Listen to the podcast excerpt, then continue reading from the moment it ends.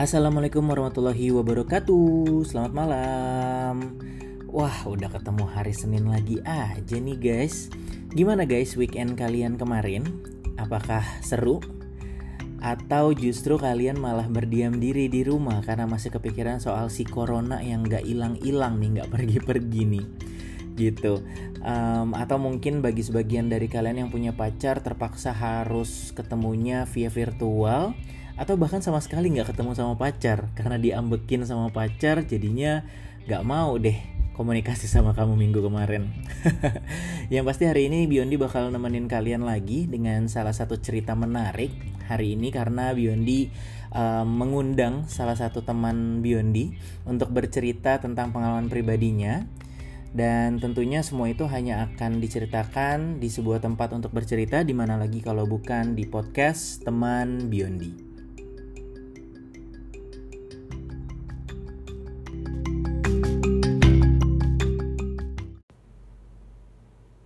Oke teman Biondi, sesuai dengan informasi Biondi tadi, bahwa hari Senin ini Biondi nggak sendirian. Biondi nggak akan cuma nyeritain tentang cerita dari Biondi, tapi Biondi bakalan ngundang salah satu teman Biondi nih. Dia juga punya cerita menarik dan katanya sih dia pengen sharing ke teman-teman semuanya sekaligus juga mungkin mengeluarkan unek-unek atau isi hati dia juga ya. Langsung aja kita undang. Sebentar ya, kita coba hubungin dulu. Halo. Halo, halo. Nah, dengan siapa di mana? Oke, kenalin nama gue Gio, salah satu teman Biondi juga. Oke guys, jadi ini ada teman Biondi, Gio. Apa kabar Gio? Baik, baik, baik. Lu sendiri gimana kabarnya? Alhamdulillah baik. Sehat ya? Sehat, sehat. Oke, jadi uh, Gio ini salah satu teman Biondi yang dulu kita sempat satu kantor ya Gio ya, meskipun nggak lama ya. Kita satu kantor, um, terus lumayan dekat juga, cuman karena berhubung dia cabut duluan nih, dapat uh, opportunity di si Oren ya. kita nggak boleh sebut, kita nggak boleh sebut Waduh, waduh. apa pun ya di sini. Ya Jangan- intinya itu lah ya. Jangan ya, intinya- intinya itu ya. Dan sekarang lagi meniti karir di sana ya. Alhamdulillahnya nyaman kelihatannya nih ya. Ya nyaman mah, harus dinyaman-nyamanin. Harus dinyaman. nah, hari ini kan ini kan hari yang ditunggu-tunggu nih sebenarnya. Apa namanya? Ini podcast pertama kalinya Biondi untuk eh, apa namanya nginvite satu- salah satu teman untuk bercerita. Nah, kira-kira cerita apa sih yang bakal diceritain sama Gio sendiri sebenarnya? Hmm, sebenarnya banyak sih, cuman kalau mau kita eh, istilahnya kayak kita permudah, palingan kayak lebih sharing aja sih, kayak kira-kira sekarang kan gue kan juga lagi mengalami kayak namanya quarter life crisis itu kan, kayak gimana kayak krisis kepercayaan diri atau misalkan kayak ya namanya juga kita lagi meniti karir itu kira-kira mulai banyak isu, mulai banyak pemikiran yang kayak udah mulai muncul nih. Dulu tuh kayak mungkin nggak nggak muncul atau mungkin kayak muncul tapi kayak ah ya udah nanti aja lah masih ada waktunya. Sekarang tuh udah mulai makin kuat gitu pemikiran itu. Gitu. Hmm. Emang emang sekarang umurnya berapa sih? Hmm, ya gua eh, lahir tahun 95 jadi tahun ini gua umur 26 Waduh, lagi lagi masa-masanya banget tuh ya quarter life crisis ya. iya Nah, kenapa? Kenapa? Boleh nggak di sharing cerita? Kenapa sih? em, apa namanya? Maksudnya apa yang mau lu ceritain sendiri sebenarnya ke teman-teman Biondi di sini?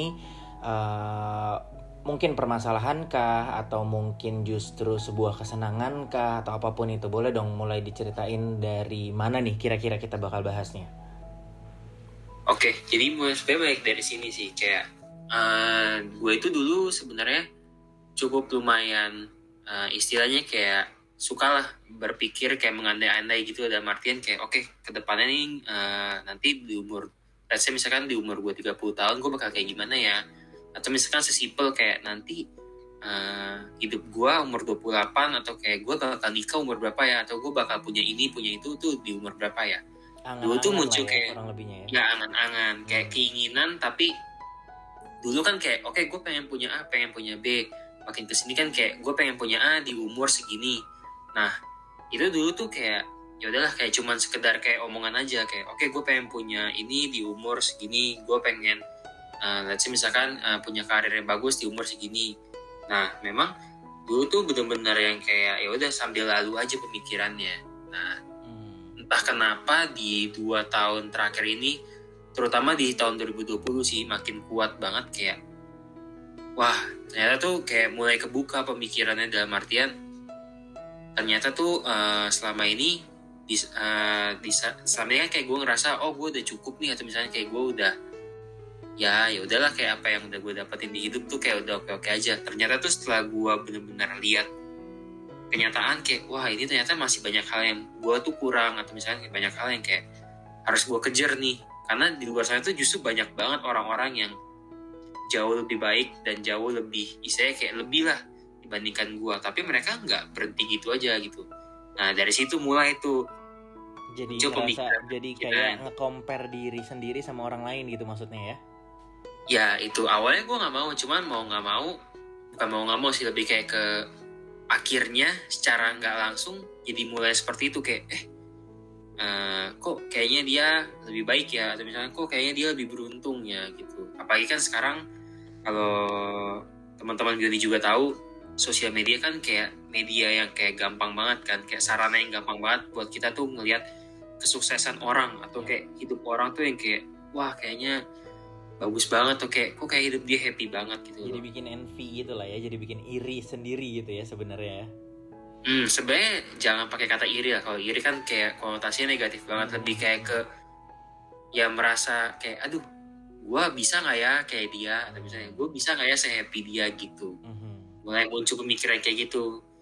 Dan itu makin kuat makin kuat apalagi kan ditambah kayak corona kayak kita terpaksa harus membatasi diri ketemu sama teman-teman mulai kayak stay-nya di rumah mulai kayak segala sesuatu tuh dihadapinnya sendiri. Dulu kan kayak uh, sibuk-sibuk ke kita atau misalnya kayak kita lagi pusing kan kita bisa datang ke teman kita datang ke kerabat kita yang kayak eh ngajak ngobrol kayak mulai kayak lebih nggak stres lagi. Tapi sekarang kan kayak mulai terbatasi nih kayak akhirnya kayak tiap kali ada masalah atau ada isu tuh kayak pasti kita akan hadapin dulu sendiri gitu betul. Atau atau kalaupun emang cerita paling cuma bisa via telepon gitu ya?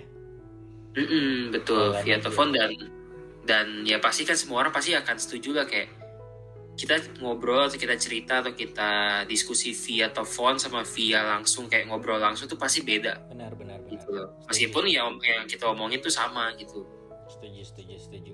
Setuju banget setuju banget. Nah terus apa nih yang membuat lo merasa kayak um, di umur lo yang sekarang nih, tadi kan lo sempat bahas kayak melihat uh, banyak teman-teman yang mungkin uh, update di sosial media ya sampai belibet gue ngomongnya.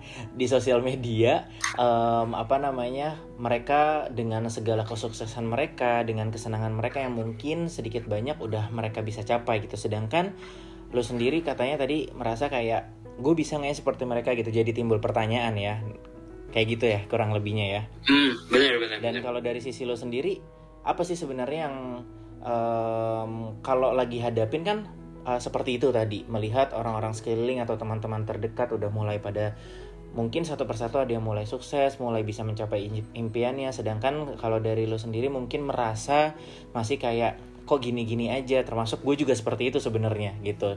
Nah kalau mungkin pertanyaan adalah lebih kayak apa sih yang sebenarnya lo lakuin untuk menghadapi yang seperti itu? Apakah mungkin kalau untuk millennials millennials zaman sekarang ya biasanya kayak stres dulu mikirin dulu gitu kan gimana caranya sampai nanti akhirnya setelah udah dipikirin baru menentukan apa yang harus dilakukan gitu. Atau justru kalau lo tipikal yang kayak ketika orang um, apa namanya melihat kesuksesan seseorang nih keberhasilan seseorang itu justru jadi motivasi besar banget buat lo dan lo langsung bergerak kayak misalkan kayak mulai bertanya-tanya sama teman-teman itu kayak gitu boleh nggak diceritain?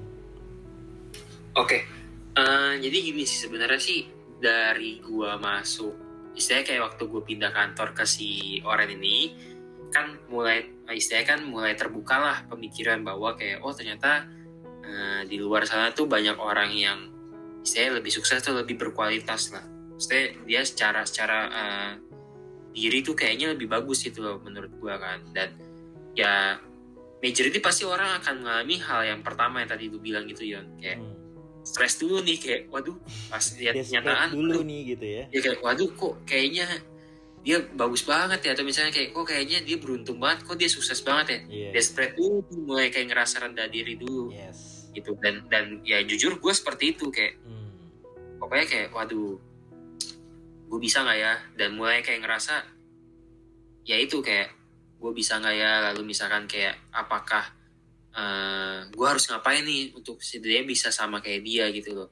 Tapi tapi jujur gue pun ngerasa selama ini gue tuh sebenarnya tahu masalah itu. Kayak uh, istilahnya kayak banyak orang yang lebih baik dari gue tuh yang lebih beruntung banding gue tuh udah tahu banget kayak dari dulu hmm. cuman uh, istilahnya satu hal yang kayak menurut gue gue juga salah adalah kayak gue tuh instead of gue doing something kayak gue cuman kayak oh iya dia kayak lebih sukses lebih kayak oh kayaknya dia lebih oke okay.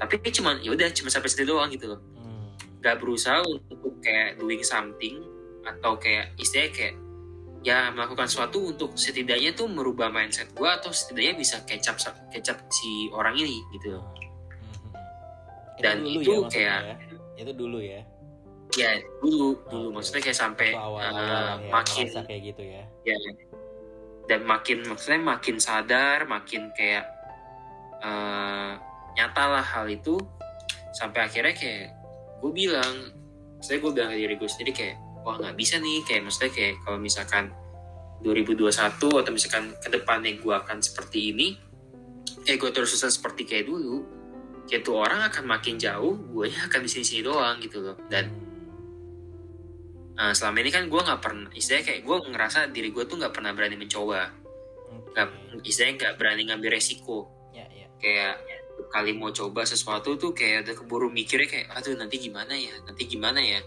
gitu. Dan gue selalu menuruti pemikiran gue ya. Udah mikirnya, artian, mikirnya aneh-aneh terus ya jadinya ya. Uh, uh, kayak misalkan kayak gue mau makan, tapi gue tahu nih, aduh, kalau nanti gue makan ini gue bakal sakit perut. Yes. Misalnya gue bakal gimana lah, Nah gue tuh instead of coba dulu makan, gue tuh kayak ah gue nggak mau sakit perut lah. Akhirnya nggak makan. Hmm, kayak jadi, gitu. Jadi Tapi kan nggak menyelesaikan gitu. masalah. Gitu. Jadi lebih baik prevent yeah. dulu gitu ya, kalau lo ya. Nah, gue orangnya prevent, gue orangnya prevent banget. Kayak mencoba meminimalisir sekecil mungkin resiko atau kayak hal-hal yang gak enak yang bakal gue alamin gitu. Memang at some point jadinya bagus kayak kita kan meminimalisir resiko hidup yes. kita tenang-tenang aja aman-aman aja yeah. tapi di saat yang sama ya itu kayak pasti gue ngerasa sama orang yang lebih risk taker atau yang lebih kayak berani doing something progresnya pasti lebih cepat orang yang berani doing something karena mungkin gitu. mereka juga udah memikirkan ya maksudnya mereka melakukan itu pasti mereka udah mempersiapkan segala sesuatu yang akan terjadi ya nggak sih biasanya sih kayak gitu mm. karena memang uh, pada prinsipnya kan sebenarnya tipikal orang atau sifat orang itu kan beda-beda gitu. Yang mungkin kalau lo melihat teman-teman lo yang udah pada sukses bisa jadi sebenarnya dia juga udah memikirkan segala risiko atau mungkin bisa jadi juga tipikal yang seperti lo kayak ya udah um, dia sebelumnya pernah kayak udah mikirin itu nih tapi karena baru sekarang dia berani ngelakuin itu akhirnya dia berhasil kayak gitu ya nggak sih sebenarnya kayak bisa aja nih yang lo lihat sekarang adalah itu sebenarnya bentuk keberhasilan atas kesabaran dia untuk menunggu sebelumnya. Kalau menurut gue sih seperti hmm. itu ya, kayak gitu. Dan kalau balik lagi dari cerita lo tadi nih, kan lo tipikal yang katanya eh, nggak uh, terlalu berani ngambil resiko gitu ya. Nah, untuk menghadapi yang tadi lo sebutkan itu kan tadi lo disebutin tuh kayak um, apa ya ngelihat orang tuh sempat jadi kayak bikin down, bikin desperate segala macam itu dulu. Nah kalau untuk sekarang tuh lebih ke apa jadinya? Kalau misalkan untuk yang sekarang-sekarang ini ketika lo melihat teman-teman lo lebih sukses gitu, apa sih tips and trick yang lo lakuin untuk supaya nggak jadi desperate lagi? Atau mungkin justru masih suka desperate desperate juga tapi nggak sebanyak atau sebesar dulu? Oke, jadi ini sih sebenarnya uh, jujur ya pasti rasa atau misalnya pemikiran kayak rasa kayak kurang itu pasti masih ada. Gue pun mengakui masih ada lah. Uh, dan gue pun juga kayak ngeras uh, mencoba untuk kayak berubah lah dan Martin kayak mengurangi pemikiran itu gitu. Karena pemikiran itu ya nggak bermanfaat gitu loh. Yep. kayak ya kita nggak bakal bawa kita ke mana-mana gitu nah paling tips and trick atau misalkan kayak apa yang gue lakukan uh, sekarang itu pertama sih uh, gue mencoba untuk lebih kayak percaya percaya dalam artian bahwa waktu orang tuh beda-beda yes. satu waktu orang tuh beda-beda dalam artian kita bisa banyak banget ketemu contoh orang yang sukses atau orang yang kayak istilahnya berhasil di umur 20 tahun, 21 tahun. Bisa juga ketemu orang yang sukses kayak contoh misalkan nih ya kayak banyak banget kan sekarang kayak kalau mungkin teman-teman di ya, teman-teman bisa kalau misalnya main TikTok sering banget lihat kayak orang tuh sekarang umur 20 tahun, 21 tahun udah punya bisnisnya bagus banget, udah punya mobil bagus banget, rumahnya gede banget segala macem. Saham di mana gitu ya. Ya kayak portfolio saham bisa sampai Yes. berapa Itu lagi M kayak banget gitu. tuh sekarang tuh. Ya sekarang kan kayak lagi banyak banget kan orang-orang yang kayak main saham. Benar. itu kayak pamer bukan pamer sih kayak dia sharing kayak oke nih gue porto gue segini gue untungnya segini sebulan. Anaknya umur 20 tahun 21 tahun. Pasti kita yang kayak udah umur 25 26 pasti kayak waduh kayak gue dulu 20 tahun ngapain? Maksudnya 20 tahun gue kayak udah kayak gini. Balik lagi jadi compare lagi ya. Iya kan, gitu kan. Tapi ada juga kalau mungkin teman-teman juga tahu sekarang orang terkaya di dunia si Elon Musk itu yang Yes. pemilik Tesla, Iya betul. dia juga baru sukses tuh setelah umur 30 tahun lebih gitu. Benar. Dan dia lagi jadi buah bibir banget sekarang ya. Mm-mm, semua orang ngomongin dia, tapi apakah dia dulu umur 20 tahun, 21 tahun, 20 eh, 20 tahunan itu dia sukses? Kita nggak tahu. Benar. Tapi apakah orang kenal dia waktu dia umur 20 tahun atau umur 30 tahun nggak ada yang kenal kayaknya? Hmm, benar, Gitu. benar benar. Bah- bahkan dulu kayak orang tuh banyak yang kayak nganggap dia tuh orang aneh karena dia kayak dulu pernah punya mimpi tuh bikin roket gitu loh. tapi sekarang gimana maksudnya kayak sekarang apa kayak dia orang terkaya di dunia gitu loh Yes. semua orang tuh kayak look up sama dia kayak wah akhirnya kayak sekarang diundang ke sini ke sana diajak ngobrol segala macem gitu berarti kan ya statement bahwa waktu orang beda-beda tuh jelas banget kelihatan banget gitu loh. Valid banget lah istilahnya. Dan menurut gua tiap kali gua kayak mulai kayak mau compare diri gua sama orang lain atau kayak sama siapa pun itu coba untuk ingat lagi sih kayak oke mungkin waktu dia itu ya di umur dia yang itu. Mungkin mungkin waktu dia itu sekarang. Ya. dan gue percaya kayak ya mau kapan pun itu sooner or later gue akan punya waktu gue sendiri untuk nyampe capai apa menurut gue kayak oke definition gue sukses tuh ya nanti di umur gue segini atau misalnya kayak di waktu gue segini kayak gitu Yes, agree, agree. Agree Gitu. banget sih gue. Bener ya yang tadi lo bahas tuh si yang apa namanya pendiri Tesla ya atau apalah gitu. Gue juga nggak terlalu ngikutin banget. Cuman memang di sosial media mana pun tuh kayaknya nggak ada yang nggak ngomongin dia gitu kan.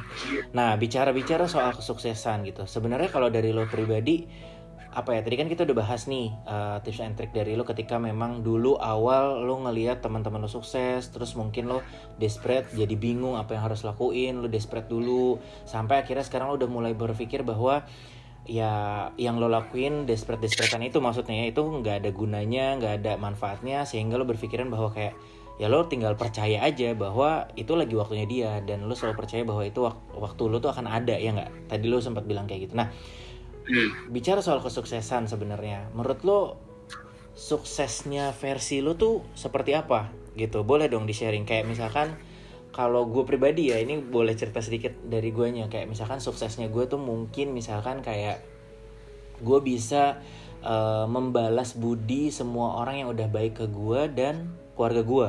Kayak gitu. Karena tuh Bihana sampai sekarang tuh belum mungkin bukan yang nggak bisa ya tapi belum segitu bisanya lah gitu jadi belum bisa dikatakan sukses nah kalau dari sisi lo sendiri sukses kesuksesan versi lo sendiri itu seperti apa menurut lo Oke, ini menarik sih. Sebenarnya ini jawabannya juga. Gue sempet pernah ditanyain hal ini gitu loh. Dan jujur sampai sekarang pun sampai sekarang pun gue belum nemuin bener-bener jawabannya kayak valid 100% untuk untuk uh, pertanyaan ini. Hmm, Kayak tapi ini gue sharing aja ya kayak Iya. dulu tuh gue nganggap kesuksesan itu adalah kayak sesimpel gue punya banyak uang gitu. hmm, Bahkan dulu kayak gue sempat kayak berpikir, aduh gue pengen jadi artis, pengen jadi musisi. Karena gue hobi nyanyi dan hobi musikan. Iya. Dan gue kayak mikir, eh, sukses itu adalah kalau nanti gue tuh terkenal. hmm. Terkenal sama dengan punya banyak uang gitu. oke Dulu gue pernah mikir, eh, ke- definisi sukses menurut gue tuh dulu kayak gitu. Hmm, Cuman sekarang perlahan-lahan mulai berubah sih. Mulai berubah dalam artian ya tetap realistis bahwa ya sekarang kita maksudnya kayak kita nggak boleh segala sesuatu dari uang tapi kita butuh uang untuk segala sesuatu Benar. gitu istilahnya setuju setuju setuju tapi gue nggak mau istilahnya kayak jadiin mindset bahwa dengan gue punya banyak uang berarti gue sukses gitu loh. Karena ya sekarang kita lihat banyak contoh juga kan kayak orang-orang yang punya banyak uang tapi eh, dia malah ngerasa kayak hidupnya gak sehappy waktu sebelum dia misalkan kayak belum punya banyak uang gitu Iya, itu itu Jadi- itu banyak gak sih sebenarnya kayak gitu tuh? banyak banyak banyak banget Banyak banget ya. kalau gue sih sebenarnya eh, setelah gue pikir-pikir mungkin kurang lebih sama sih Yon tapi lebih kayak ke definisi definisi sukses itu adalah di mana kalau gue ngerasa gue bahagia sama diri gue sendiri Nah, sekarang udah bahagia belum nih? Pertanyaan berikutnya. Aduh, belum sih belum sih. Maksudnya bahagia itu dalam artian kayak gue tuh ngerasa mau apa pun keadaannya, mau apa pun kayak eh, misalkan kayak masalah atau isu yang gue hadapin, gue tuh bahagia sama diri gue gitu loh. Hmm, lebih bisa nerima lah ya seenggaknya ya. Iya. Ya nggak sih? Karena mungkin kalau zaman-zaman dulu tuh ketika kita lihat seseorang sukses gitu kan mungkin bukan yang nggak bisa terima tapi kita lebih ke kayak em, wondering ke diri kita sendiri kayak kita kapan ya? gitu kan. Jadi lebih kayak itulah yang membuat kita desperate. Ya nggak sih? Itu sih yang gue alami dulu ya. Kan umur kita nih agak beda jauh nih sebenarnya. Gitu ya. Jadi to be honest kalau gue dulu tuh hampir-hampir sama kayak kayak Gio gitu. Kayak lu di mana ketika melihat seorang sukses tuh pasti akan jadi wondering kayak ih enak ya. Ih hidupnya bahagia banget. Bisa jalan-jalan ke luar negeri setiap bulan segala macam mau mau traveling ke mana aja bebas gitu. Terus udah traveling makannya enak-enak. Dulu sempat kepikiran kayak gitu. Cuman memang ya balik lagi kalau misalkan terus-terusan mikir kayak gitu tanpa kita usaha dan at least kayak kita mikirin sesuatu yang lebih baik gitu ya. Menurut gue sih ya itu penting banget gitu. Mindset kita dirubah tuh bener-bener ngaruh banget sih. Useful banget gak sih? Karena percaya gak sih kayak bisa kita comparing ourselves sama others atau kayak kita wondering kayak apa kita bisa seperti si orang itu Hmm. di saat yang sama tuh ada orang lain yang kayak wondering bisa nggak ya jadi kayak diri kita ya, gitu itu dia tuh. Makanya bener-bener banget. Makanya kadang tuh kayak nggak tahu kenapa ya kalau gue pribadi seiring berjalannya nambah usia ya nambah tua gue ya. Makin bijak ya berarti ya. Nggak bijak juga sih sebenarnya. Cuman lebih kayak lebih kayak bisa menerima gitu. Yang tadi gue bilang makanya tadi kan lo bilang eh, gimana bahagia sama diri sendiri gitu dan bahagia itu sifatnya lebih luas ya nggak sih? Bukan bahagia sekedar kayak kita bisa beli barang yang kita suka atau Hmm. misalkan kita bisa deket sama orang yang kita sayang bukan cuman itu kan tapi lebih luas sifatnya bahagianya. Jadi mungkin kalau gue pribadi lebih ke kayak gue lebih bisa nerima keadaan apa pun itu gitu. Terutama yang membuat gue bahagia ya nggak sih? Hmm. kayak gitu. Jadi ya balik lagi apa ya ibaratnya suksesnya orang tuh beda-beda dan waktunya pasti beda-beda juga. Kayak gitu. Em, kalau bicara soal kesuksesan lagi sebenarnya ada nggak sih apa namanya satu apa ya kita jangan sebut kesukses- kesuksesan lah ya susah nyebutnya. Kita jangan sebut eh, kesuksesan tapi lebih ke kayak pencapaian apa sih sebenarnya yang yang udah dan sampai sekarang ini lo masih pengen capai di hidup lo terutama waduh pertama yang udah dulu kedua pertanyaan Oke. kedua adalah yang pengen lo capai banget tuh dalam waktu dekat deh seenggaknya itu apa sih kira-kira Hmm, oke oke oke. Menarik menarik. Eh, sama tadi ini gue mungkin mau tambahin yang tadi juga ya. Boleh kayak boleh. kemarin tuh kayak gue baru denger kayak semacam sh- sharing gitulah kayak eh, sharing dan dia tuh bilang kayak sama kayak sukses itu kan semua orang tuh definisinya beda-beda, waktunya beda-beda. benar Terus tuh kayak dia bilang sebenarnya em, kalau lu mau tahu kayak suksesnya tuh eh sukses lu tuh definisi sukses buat lu tuh kayak gimana sih? Lu tuh pertama tuh harus nemuin dulu why-nya. Apa itu why? Maksudnya kayak kenapa lu harus sukses? Hmm, Atau misalkan kayak kenapa lu harus berjuang sebegitu keras untuk sukses? Why-nya ini apa? Bisa contoh misalkan, contoh kayak lu misalkan kayak gua, why gua karena gua mau pengen membahagiakan keluarga gua bisa satu kedua misalkan why gue karena gue eh, pengen sesimpel kayak pengen nikah muda nikah sebelum umur 28 bisa Oke, oke. atau misalkan kayak bisa juga kayak sesimpel karena gue nggak mau eh gue compare diri gue sama orang lain gue maunya orang lain compare diri mereka sama gue bisa juga kayak gitu Jadi lebih ke reason Jadi- ya. Why itu mungkin Iya. lebih ke reason Nah, ya. Kenapa sih harus harus Why. harus ke situ gitu ya? Harus sukses gitu ya. terkadang orang tuh kayak contoh misalkan kayak oke gue pengen punya eh, rumah sebelum umur 25 ah, 28 misalkan ya Hmm. terus makin ke sini kayak ma- makin realistis wah kayak nggak bisa deh nih umur 2, 28 gue punya rumah deh kerjaan gini-gini doang mundurin deh jadi umur 30 Hmm. sah-sah aja nggak salah gitu loh Yep. tapi eh, berarti secara nggak langsung gue bisa bilang why lu untuk eh, why-nya kan berarti kan kayak gue pengen punya rumah sebelum umur 28 Hmm. tapi gue bisa bilang berarti why lu itu nggak nggak sekuat itu sampai lu bisa kompromi sama mimpi lu sendiri Iya iya iya Gitu. iya iya benar Nah. benar benar. jadi sebenarnya kemarin tuh yang insight gue dapat adalah lu tuh harus temuin bener-bener why-nya tuh yang kuat banget yang sampai tuh bener-bener kayak wah ini nggak bisa diganggu gugat ini nggak bisa dikompromi pokoknya gue harus dapet itu Dan lu yakin bahwa lu bisa ngejalanin ya sampai lu bisa dapetin Iya. itu nggak sih? yakin dan lu ya eh, lu yakin bisa dan lu yakin bahwa diri lu layak untuk dapetin itu. Setuju sih. Setuju setuju, sih gue setuju. wah itu gue pas denger gue kayak wah gila dapat dari sama ini mungkin kita- informasinya tuh? adalah weh sama ini kita kayak mikirnya kayak kita bisa gue bisa lah capai impian gue tapi kita pernah nggak mikir kita layak gak dapet impian itu Hmm, kadang terlalu maksain juga nggak baik ya.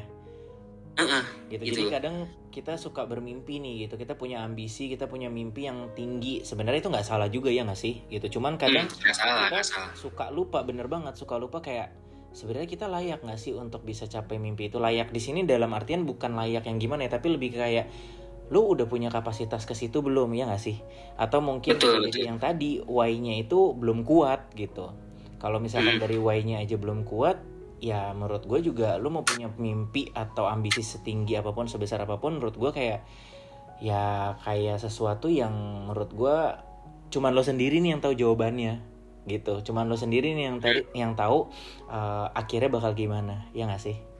Hmm, karena maksudnya dari situ gue baru bener-bener bisa ambil kesimpulan kayak gue bisa istilahnya kayak bisa ngerti gitu bisa relate kenapa orang tuh yang kerja banting tulang kerja lembur segala macem. Atau misalkan dia bener-bener kayak kerja keras banget tuh gue baru nggak kayak oke berarti dia udah nemuin nih why-nya dia. Yes yes yes.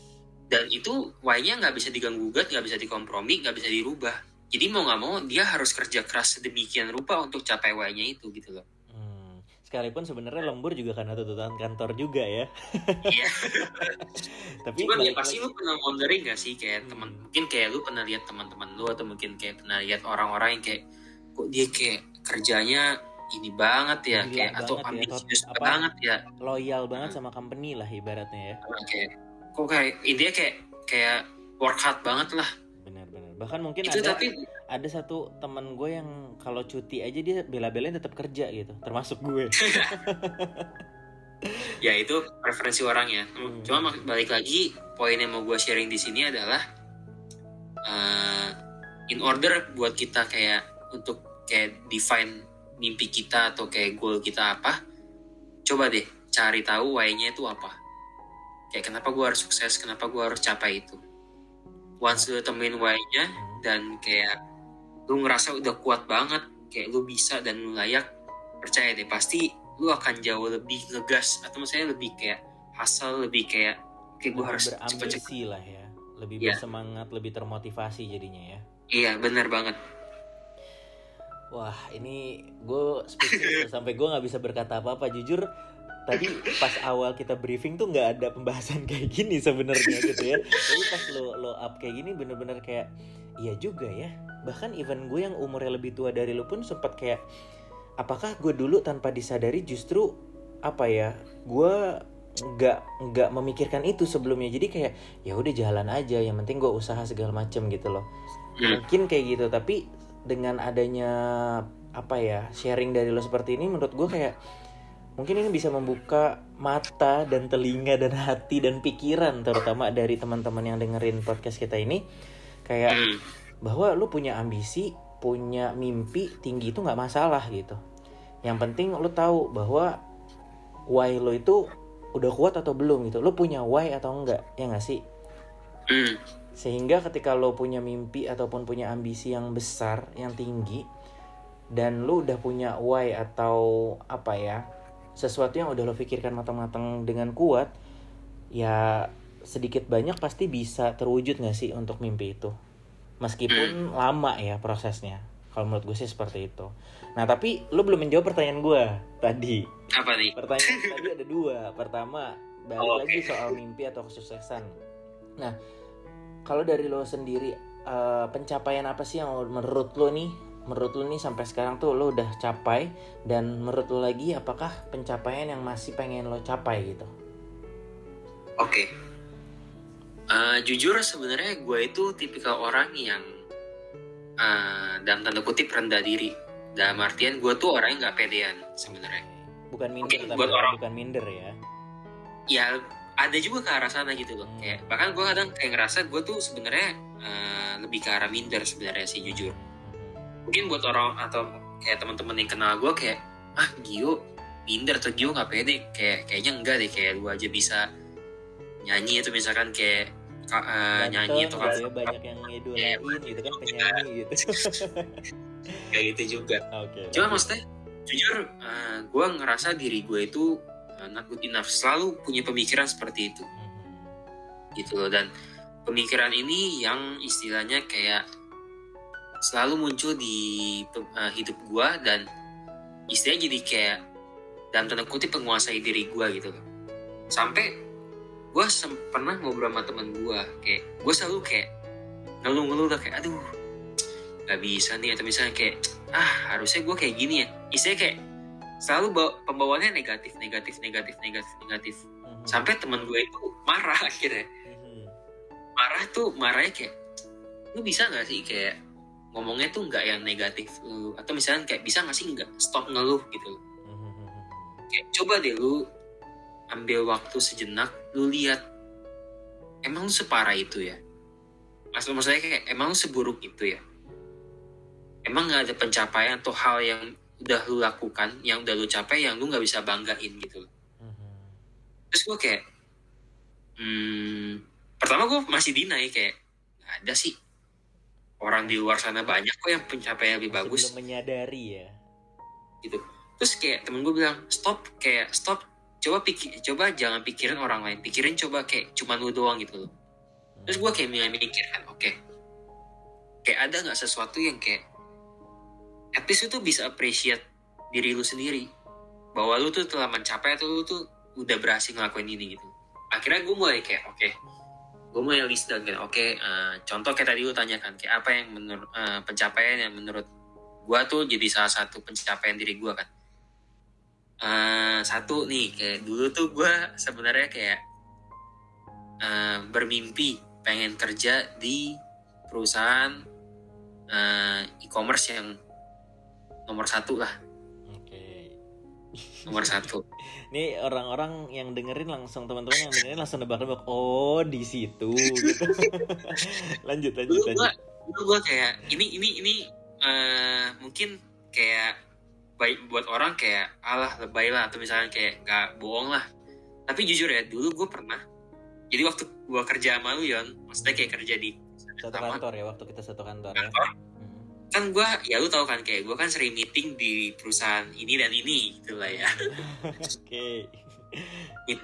meeting kayak seminggu bisa at least satu dua kali saking seringnya sampai akhirnya gue pernah tuh satu malam gue pulang terus gue lagi nunggu kayak nunggu taksi lah. Terus gue foto tiba-tiba gue kepengen aku pengen foto ah gedungnya. Mhm. gue bilang gitu. Gue foto tuh. Wih, ih bagus ya. Terus gue tanpa sadar gue ngomong someday gue bakal kerja di sini. Gue bilang gitu. Sampai akhirnya. percaya apa enggak? Gue bilang kayak gue bakal kerja di sini. Mhm. itu gue Sampai, ingat banget gue sa- sampai akhirnya terwujud ya. akhirnya terwujud terus kayak waktu itu sempet kayak gue lagi buka Instagram gue muncul lah memorisnya kan Mhm. memories di Instagram Hmm. terus gue kayak wah gue inget banget kayak wah gila ini tahun lalu gue lagi meeting jadi kliennya mereka kan, dalam tanda kutip jadi Iya. kliennya mereka Hmm. terus gue foto terus gue bilang kayak someday gue bakal kerja di sini gue bilang gitu Hmm. dan sekarang terwujud gitu loh Dan itu merupakan Iya. salah satu pencapaian yang menurut lo. Udah eh, sebelumnya masuk wishlist lo dan akhirnya tercapai ya. karena dulu tuh gue kayak nggak ya udahlah kayak gue bahkan sempat lupa gitu loh kayak gue pernah memikirkan hal itu cuman setelah gue coba flashback lagi gue kayak oh iya ini kan dulu kan kayak goal gue ya terus sekarang gue udah masuk kok gue nggak merasa gue bangga sama diri gue atau misalnya kayak gue at least kayak appreciate diri gue lah kayak iya lu tuh udah masuk loh atau lu tuh udah doing something good loh Hmm. Oke. itu saat itu satu sih Oke. yang kayak gue kayak wah gila emang maksudnya kayak hidup hidup tuh gak ada yang tahu ya. Dan itu merupakan mungkin bisa dibilang salah satu mimpi yang pengen lo capai dan akhirnya tercapai ya. Meskipun prosesnya agak bergelombang, agak panjang ya nggak sih? Hmm, Dan pasti, karena Aha. gimana gimana? eh, maksudnya kayak baik lagi sih eh, terkadang kayak apa yang kita impikan itu tuh memang gak selalu langsung kita dapatkan Benar, gitu loh benar. karena logikanya gini sih kayak gue dulu sempat dikasih tau juga kayak kalau lu bisa dengan mudahnya mendapatkan segala sesuatu yang lu inginkan lu nggak akan punya mimpi Hmm. Sebuah, kayak sebuah quotes lagi nih malam ini nih guys. maksudnya kayak contoh gue pengen makan sushi teh misalkan Gue nyebut makan sushi. aduh sorry sorry gue pengen makan sushi terus eh, dengan gampangnya gue tinggal pesen. Tolong dong anterin sushi ke rumah gue terus makan. Udah. Tapi bayangin nih kalau misalkan kayak aduh gue pengen makan sushi terus kayak lu sesusah itu buat makan sushi atau misalnya kayak lu tuh nggak punya waktu lah kasarnya sibuk banget sampai lu bener-bener nggak bisa nggak sempet makan sushi terus akhirnya lu kesampaian buat makan sushi lu kayak pasti kayak akhirnya kayak gue nunggu-nunggu lama gitu. Atau misalkan kayak tadi gue pengen gue pengen dong kayak kerja di perusahaan A. Nah kayak, kerja di perusahaan A. Terus besoknya lu langsung masuk di perusahaan A. Gak seru gak sih? Iya kayak kayak wow gitu kan. Mungkin mungkin kaget tapi lebih kagetnya kayak yang kayak yang apa ya kayak amaze-nya tuh beda dibanding yang amaze yang ketika memang kita tuh punya mimpi pengen kerja di situ dan kita coba usahain segala macem apa ya ibaratnya beda gak sih amaze-nya gitu loh. Hmm. dan eh, cara kita apresiasi hal itu pasti akan leb- akan Betul. berbeda juga Betul betul betul sih betul banget. Hmm, hmm, hmm, hmm, hmm. lumayan Gitu, menarik. jadi- ya. jadi palingan sih ya itu sih bisa gue sharing kayak buat teman-teman juga kayak eh, bermimpi tinggi itu perlu dan harus sih sebenarnya sih benar. karena kalau Hmm, hmm. gimana gimana ya dulu kayak gue ngomong dulu Enggak nggak apa-apa. Dan eh, apa ya? Gue nambahin sedikit sih sebenarnya setuju tadi yang sama lo bilang bermimpi tuh sebenarnya harus gitu. Karena kalau orang nggak punya mimpi kayak hidup lu ya kayak gitu-gitu aja gitu. Kayak seolah-olah lu nggak punya tujuan. Ya nggak sih? Mimpi itu kan bisa dibilang sebagai bentuk ambisi kita untuk mencapai tujuan kita. Ya nggak sih? Gitu dan em, apa ya? eh, mungkin ada kalinya ketika seseorang punya mimpi ada pasti di saat momen di mana dia merasa kayak kayaknya gue nggak akan bisa capai mimpi gue deh. Kayak gue gak akan bisa wujudin apa yang pengen gue wujudin deh. Kayak gitu. Akan ada masa di saat seperti itu. Nggak nggak cuman lo ataupun gue gitu kan. Tapi mungkin di sisi positifnya adalah itu yang akan menjadikan kita ingat bahwa proses untuk membuat atau mewujudkan mimpi kita tuh nggak semudah yang dibayangkan. Ya nggak sih? Sama seperti yang tadi lo sampaikan bahwa ketika memang kita udah bisa mencapai mimpi kita dan kita tahu prosesnya seperti apa kayak feelsnya akan beda perasaannya akan beda gitu. Maze-nya pun juga akan berbeda gitu. Dan kita akan menghargai banget sih. Benar. Menghargai hasilnya dan menghargai diri kita. Karena wah gue udah berjuang sekuat itu untuk dapetin ini. Gitu. Wah, nah pertanyaan yang kedua tadi terakhir deh pertanyaan terakhir sebelum kita closing nih ya ini kayaknya udah terlalu lama kita diskusinya ya karena terlalu seru pembahasannya gitu. karena kayaknya pembahasan mau ada part 2 mau ada part 2 karena pembahasannya kalau menurut gue nih pembahasan yang sangat amat relate dengan anak-anak muda zaman sekarang terutama yang kayak misalkan Hmm. kayak yang baru-baru masuk kantor atau misalkan baru kerja kayak setahun atau dua tahun ya nggak sih? Itu relate Betul, banget betul, nggak gitu berhubungan dengan mimpi. Ada juga mungkin yang bisa jadi eh, dia sebenarnya nggak pengen kerja di perusahaan itu tapi dia rezekinya di perusahaan itu dan ternyata malah dia lebih berhasil lebih sukses di perusahaan itu kan bisa juga ya nggak sih Hmm, betul Gitu. betul.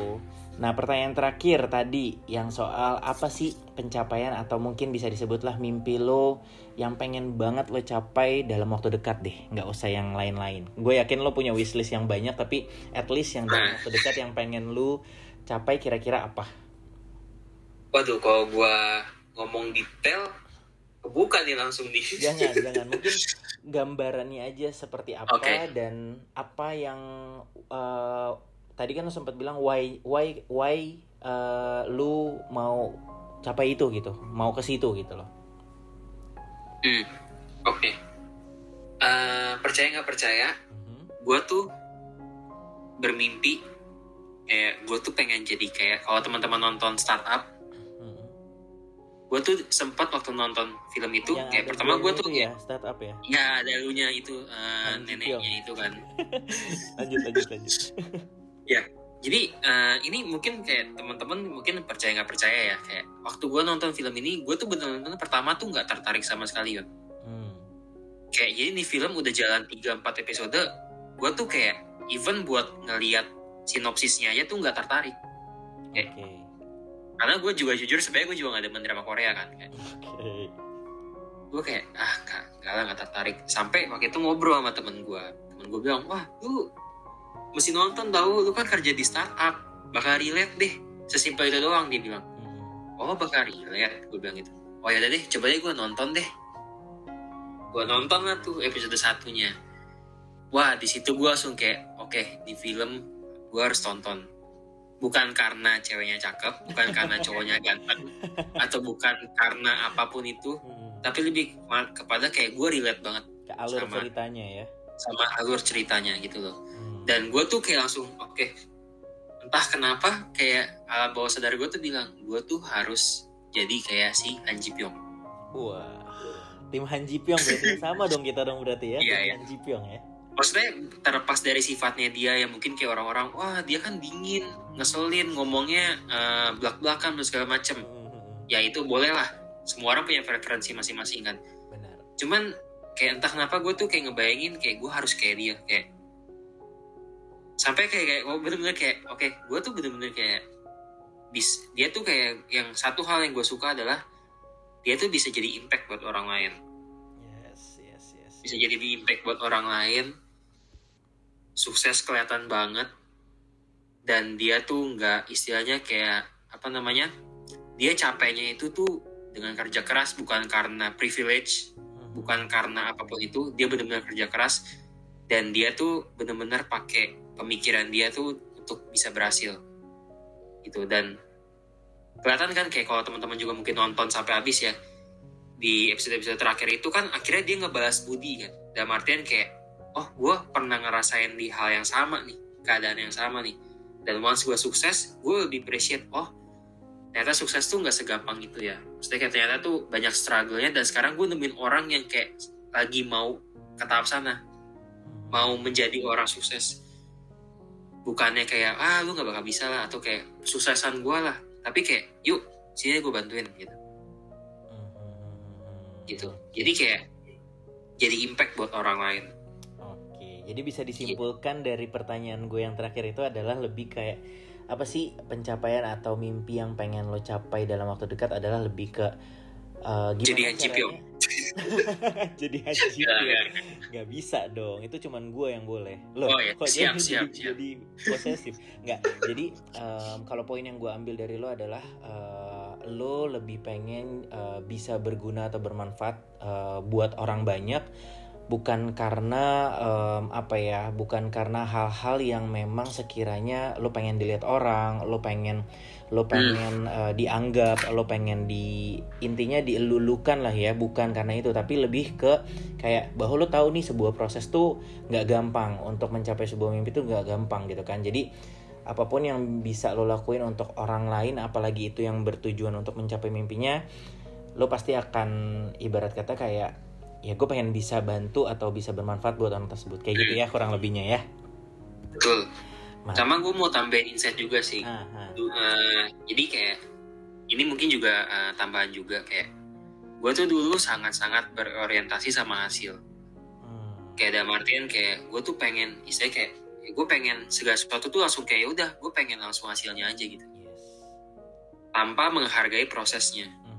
kayak ah ya udahlah proses tuh apa sih yang penting hasilnya gitu loh. Ya. dan memang nggak apa namanya dan memang kenyataannya dunia zaman sekarang itu memang lebih menghargai hasil dibandingkan proses. Dan kita nggak bisa nggak bisa apa namanya nggak bisa Mengkiri, menolak ya, fakta ya, itu. ya, ya betul. mengkiri lah. Mhm. dan kita nggak bisa protes juga kok lu lebih menghargai hasil?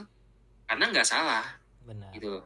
End memang semua orang pasti dinilai dari hasil. Benar. Cuman cuman kayak gua eh, ngerasa di saat lu kayak fokus sama hasil tapi at the same time lu juga fokus sama proses dan lu menghargai proses percaya deh kayak pasti akan jauh lebih lebih smooth aja sih. Dalam artian kayak di saat lu tahu nih goalnya dan lu misalkan kayak contoh aduh gue gua misalkan gue mau dapet nilai 100 tapi ternyata gue dapet nilainya 80 kalau lu cuma fokus sama hasil lu akan kecewa. Akan dengan sangat gampang kecewa. Aduh gue cuma dapat 80 harusnya gue bla bla segala macem. Tapi di kalau lu menghargai proses dan maksudnya gue udah belajar lo gue udah research lo gue udah spending banyak waktu lo untuk kayak memperbaiki apa yang salah. Mungkin awalnya lu dapetnya 50 tapi pernah dapat 80 percaya nggak percaya pasti lu dapat 100 dan di satu dapat 100 lu akan lebih kayak oke ini hasil dari proses gua dan ya gua akan dengan sangat menghargai ini maksudnya menghargai nilai 100 ini lebih daripada orang yang kayak dapat 100 tanpa menghargai proses itu Gitu. Nah, kita tepuk tangan dulu dong buat Bapak Gio malam ini. Ini jujur pembahasannya malam-malam gini sebenarnya harusnya kan pembahasan yang agak ringan-ringan ya. Ini waduh pembahasannya berat tapi yang bikin mikir gitu, bikin mikir dalam artian kayak iya juga ya. Oh gitu. Kok gue gak kepikiran ya nggak sih? Kalau menurut gue ya gitu. Jadi gue juga bukan yang gimana-gimana juga sih Don cuman kayak ini gue lebih ke sharing aja karena gue pernah di posisi di mana gue juga kayak eh iya juga ya karena gue dengar hal-hal ini dari orang lain juga gitu betul. dan gue berharap maksudnya dengan dengan kita ngobrol kayak gini ada orang lain tuh yang mungkin di posisi sama kayak gue juga bisa kebuka gitu loh dan hopefully bisa ngebantu hidup dia atau maksudnya pemikiran dia mindset dia lebih baik lagi gitu bener. karena balik lagi Hmm, semua orang tuh masih dalam proses juga gak sih kayak gue pun juga nggak memungkiri gue juga masih proses betul. jadi lebih baik gitu Betul betul.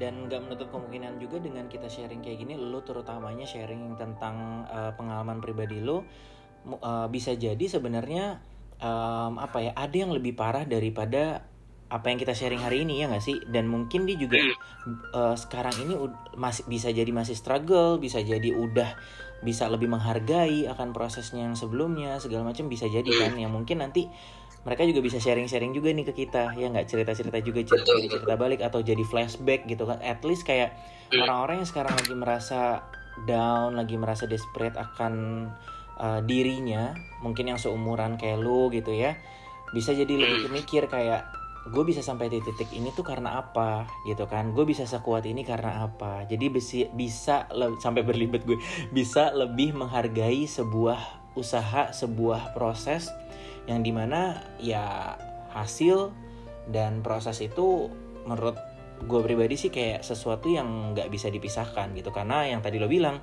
kalau lo cuma mikirin hasilnya ya ketika hasil yang lo capai itu nggak sesuai ekspektasi lo lo hanya akan berpikir bahwa kok bisa ya gue dapatnya segini? gitu loh. Tapi kalau lo juga mikirin bahwa eh gue dapat segini karena mungkin gue belum belajar ini ini ini segala macam. Karena mungkin gue waktu itu belajarnya kurang segala macam. Jadi lebih berpikir kayak oh nextnya gue harus bisa lebih belajar lebih baik lagi. Ya nggak? Kayak gitu sih. Betul betul. Balik lagi sih sebenarnya juga tadi kan kita kan ngomongin soal kesuksesan juga kan. Hmm. Ta- tapi kita belum sempat bahas soal kegagalan ya. Itu misalnya kayak uh, istilahnya kayak hal-hal buruk lah. Mm-mm. ini juga boleh jadi salah satu insight juga sih.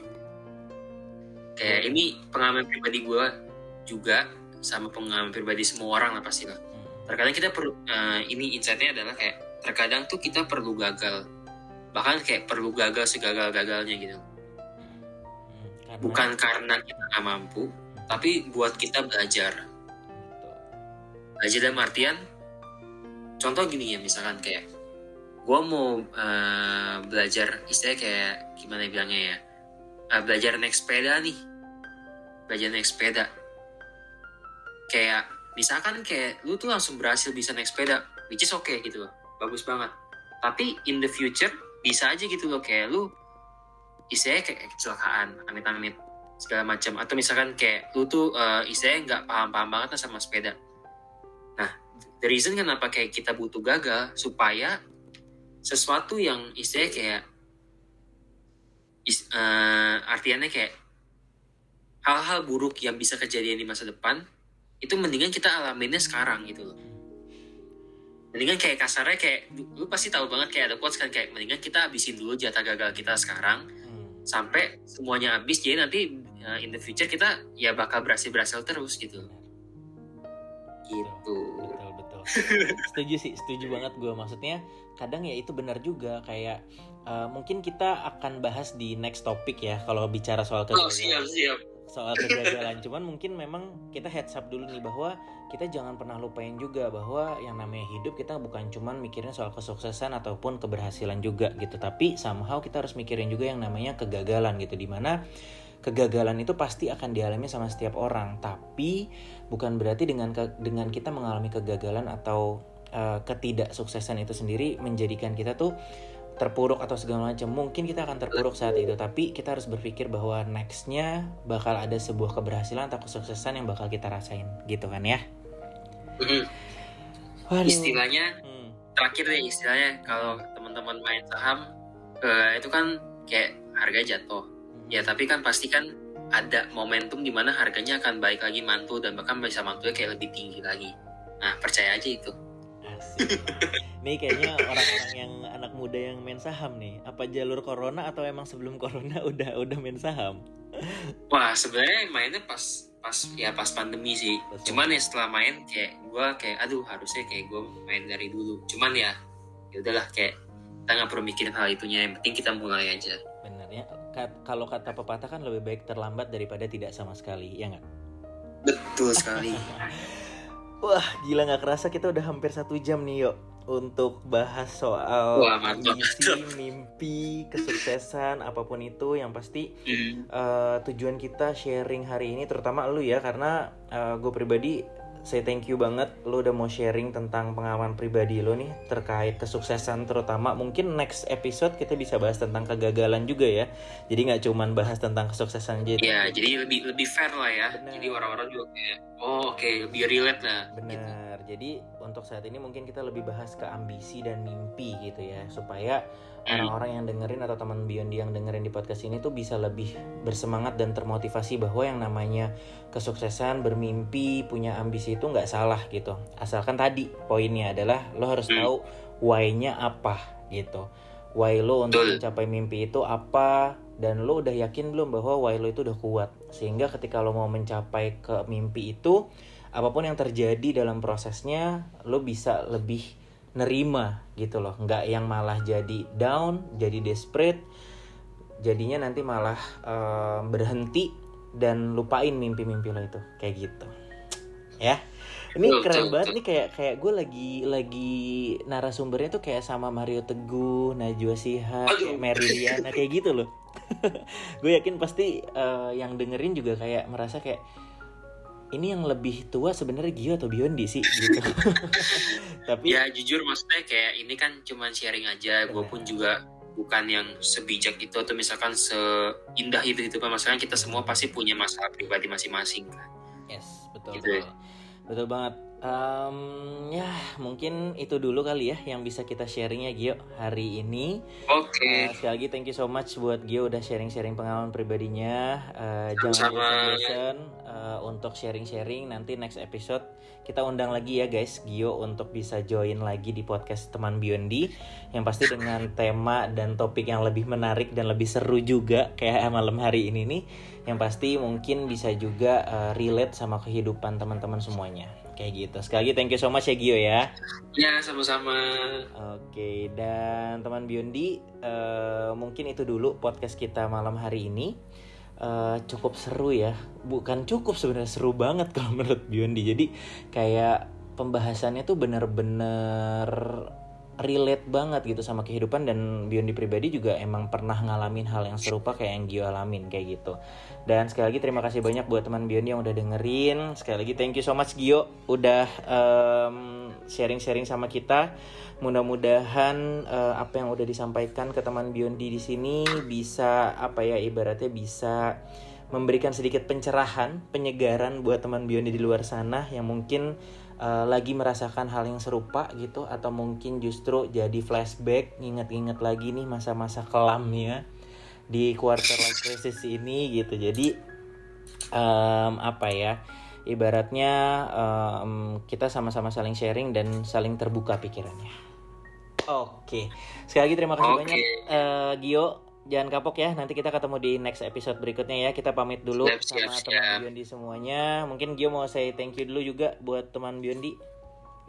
Oke, okay, uh, buat teman Biondi, thank you juga yang udah mau dengerin podcast kita berdua, obrolan kita berdua. Semoga yang uh, gua sama Biondi sharing hari ini juga bisa ngebantu kalian untuk bisa lebih percaya sama diri kalian lah. Percaya sama mimpi kalian dan baik lagi yang tadi gue bilang, semoga kalian juga bisa temuin segera temukan juga kayak why-nya kalian tuh seperti apa sih. Apa sih yang jadi why kalian? Dan percaya deh kayak once kalian temuin why-nya itu kayak kalian untuk mencapainya itu akan jauh lebih smooth jauh lebih terarah lah gitu. Mantap. Oke sekali lagi terima kasih banyak Bapak Gio gue malam hari ini manggilnya Bapak Gio. Karena terlihatnya seperti lu seperti yang lebih dewasa dari gue ya padahal umur kita agak jauh gitu. Oke teman Biondi sekali lagi terima kasih banyak. Gio thank you so much ya Gio. Sehat terus pokoknya sampai ketemu kita di next episode. Yang pasti kita bakal terutama Biondi ya bakal terus uh, sharing-sharing tentang cerita-cerita menarik yang mungkin relate sama kehidupan teman-teman dan pastinya itu akan di-sharing berdasarkan pengalaman pribadi Biondi ataupun pengalaman pribadi dari teman-teman Biondi. Yang pasti dengerin terus uh, podcast ini karena ini merupakan sebuah tempat untuk bercerita yang dinamakan podcast teman Biondi. Terima kasih banyak sekali lagi teman-teman semuanya yang udah dengerin. Selamat malam dan selamat istirahat. Bye bye.